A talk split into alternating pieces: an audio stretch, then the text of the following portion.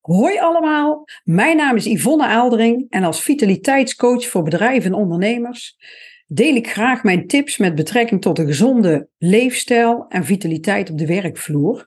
Nou, wil je wat meer over mij weten, kijk dan ook gerust een keer op mijn website www.ivofit.nl of uh, ja, abonneer je op een van mijn, uh, of connect me op een van mijn kanalen, hè, via YouTube of op mijn podcastkanaal of via LinkedIn. Nou, ik uh, deel graag allerlei thema's uit mijn dagelijkse praktijk. En uh, voor vandaag heb ik een uh, thema wat ik krijg heel, maar, heel regelmatig krijg ik vragen van nou, wat kan ik nou het beste drinken? Een plantaardige of een dierlijke melk? Ja, en wat zijn de voor- en nadelen? Dus daar wil ik het eigenlijk vandaag eens over hebben. Want uh, je hebt natuurlijk uh, uh, allerlei plantaardige melksoorten. En je ziet dat dat zelfs een tijdje heel erg populair was. Hè? Mensen gingen aan de amandelmelk, sojamelk. Ja, en de vraag is, waarom zou je eigenlijk plantaardige melk gaan drinken? Ja, en is dat wel zo gezond of niet?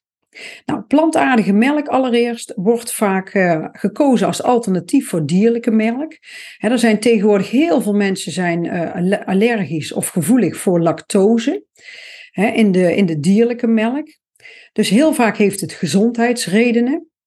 Maar ook uh, ethische overwegingen, hè, zoals mensen die veganistisch zijn. Die willen absoluut geen dierlijke producten eten maar het kan zijn dat je echt uh, allergisch bent voor koemelk. Ja, dan is een plantaardige melk natuurlijk een heel goed alternatief. Kijk, en een plantaardige melk die biedt eigenlijk een heel breed scala aan allerlei smaakjes. He, er zitten ook verschillende voedingsprofielen in. Daar ga ik direct ook wat meer uitleg over geven. Waardoor het toch een aantrekkelijke keuze kan zijn. En um, afhankelijk van ja, wat bij jou past en ja, wat voor voedingswijze jij uh, hanteert want uh, plantaardige melk is vaak een alternatief voor uh, dierlijke melk. Uh, en dat kan zijn geitenmelk, koemelk, maar ook schapenmelk. En um, tegenwoordig zie je ook steeds meer mensen die eigenlijk de consumptie van dierlijke producten ja, willen verminderen, vermijden of beperken. Hè. Minder vlees eten zie je ook tegenwoordig steeds meer. Maar waarom is plantaardige melk nou gezond? Nou ja, het kan natuurlijk een gezonde keuze zijn. Dat is afhankelijk ook van het type, van de merkeigenschappen. Maar van nature zijn ze vaak lactosevrij. Ze bevatten geen cholesterol. Ze kunnen minder verzadigde vetten bevatten dan dierlijke melk. Dus dat is ook een voordeel. En je ziet dat um, een aantal. Um, oh, ik schiet alle kanten op. Je ziet dat um, dat een hele hoop plantaardige melksoorten, ja, dat die ook rijk zijn aan vitamines en mineralen, antioxidanten. Hè, dat is afhankelijk ook van uh, ja, waar het vandaan komt. Nou, en dan kan je afvragen van uh, ja, hoeveel eiwitten zitten er bijvoorbeeld in plantaardige melk? Want dat is waar ik vaak ook op let. Hè, dat het ook uh, genoeg eiwitten bevat. Want dat heeft uh, ons lichaam nodig. Hè. Alle weefsels, alle organen in jouw lichaam hebben eiwitten nodig. En we zien dat veel mensen in de huidige tijd te weinig eiwitten binnenkrijgen en te veel koolhydraten. En um, dus daarin heb ik alleen al een vergelijking gemaakt. Dus daar ga ik gewoon eens even uitleggen. als je de verschillende varianten hebt bij de plantaardige melksoorten, en dan heb ik even gekeken naar 240 milliliter, dus dat is uh, ongeveer één kop. Nou, als je kijkt naar sojamelk, daar zit tussen de 7 en 9 gram eiwitten in.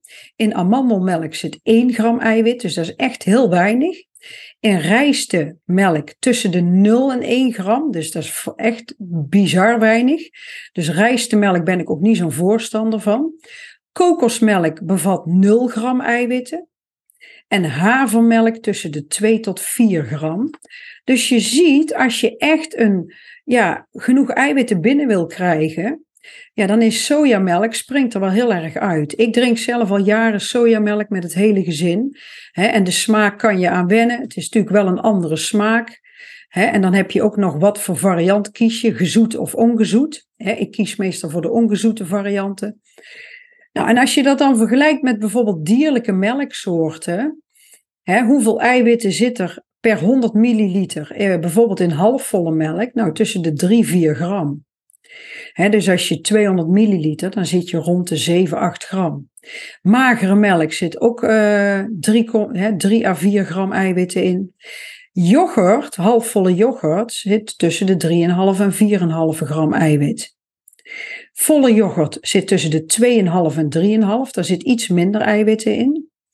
Daar zitten wat meer vetten in, hè, volle yoghurt. Magere yoghurt zit ook tussen de 3,5 en 4,5 gram. En Griekse yoghurt, daar zit best heel veel eiwitten in, tussen de 5 en 6,5 gram. En als je dan kijkt naar bijvoorbeeld skyr. Ja, skyr dat is echt een eiwitboost, zeg ik wel eens. He, daar zit tussen de 11 en 12 gram eiwitten in per 100 milliliter. Dus als je 200 gram skeer neemt, dan krijg je maar liefst meer dan 20 gram eiwitten binnen. En dat is echt heel veel. Skeer vind ik vult ook enorm. Hè. Dat doen die eiwitten. Die eiwitten zorgen voor verzadiging, voor minder hongergevoel. Zeker voor mensen die willen afslanken is dat natuurlijk heel belangrijk. Nou, en als je dan kijkt hè, naar die, um, um, ja, we hebben natuurlijk uh, al die plantaardige um, eiwitten. Als je veel eiwitten binnen wil krijgen, dan zijn natuurlijk, hè, daar zei ik net al, Griekse yoghurt en skeer zijn de beste keuzes. Hè, als het gaat om de yoghurtvarianten. Kijk, en over het algemeen geldt ook, als jij magere melk bevat minder vet dan halfvolle melk. En er zit helemaal niet zo heel veel verschil in suikers tussen magere melk en halfvolle melk. Ja, dus als je wil afslanken, hè, dan is mager is toch wel een betere keuze.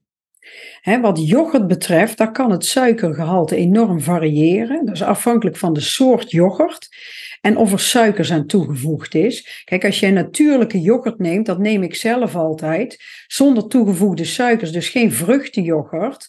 Kijk, daar heeft van nature maar een hele kleine hoeveelheid suiker, als gevolg van de melksuikers, de lactose die tijdens het fermentatieproces uh, aanwezig zijn. Nou, en het beste is natuurlijk dan toch weer um, en yoghurt, want daar zit ook een vrij laag suikergehalte in. Dus dat is eigenlijk gewoon een hele gunstige keuze. Maar goed, dat is ook uh, iets wat heel erg vult. Het is vast van vorm.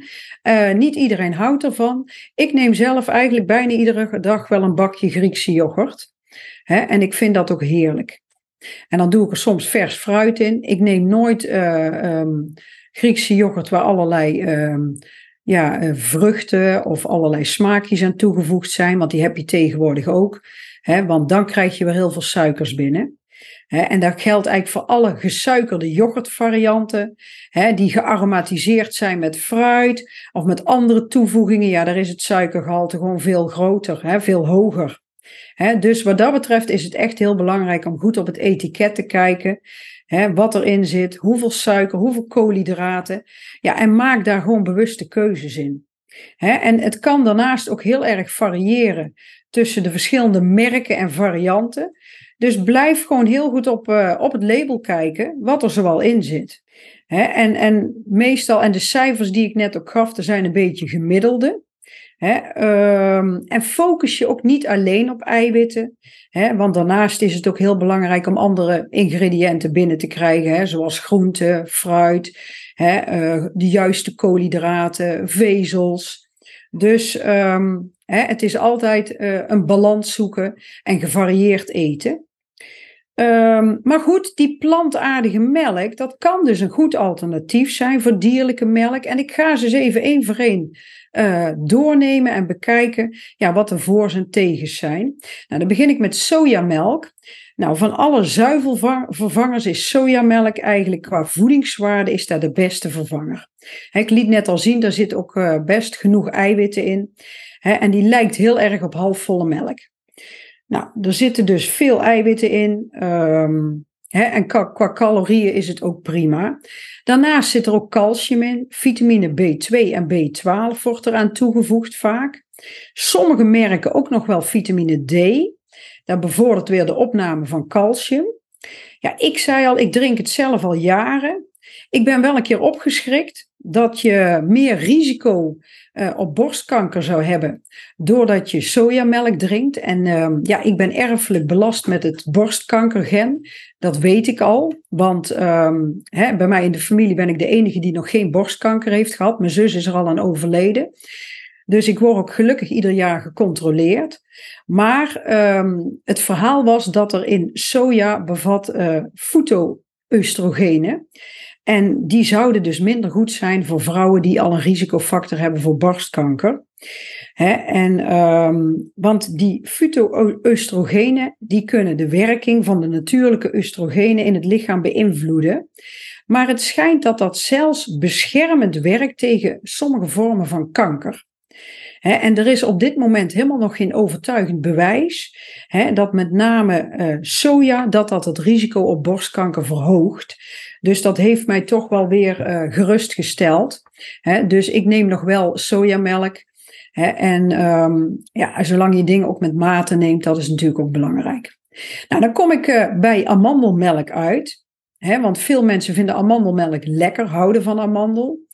Ja, het goede van amandelmelk is dat er meer vezels in zitten, minder suiker, maar en ook minder verzadigd vet dan in halfvolle melk.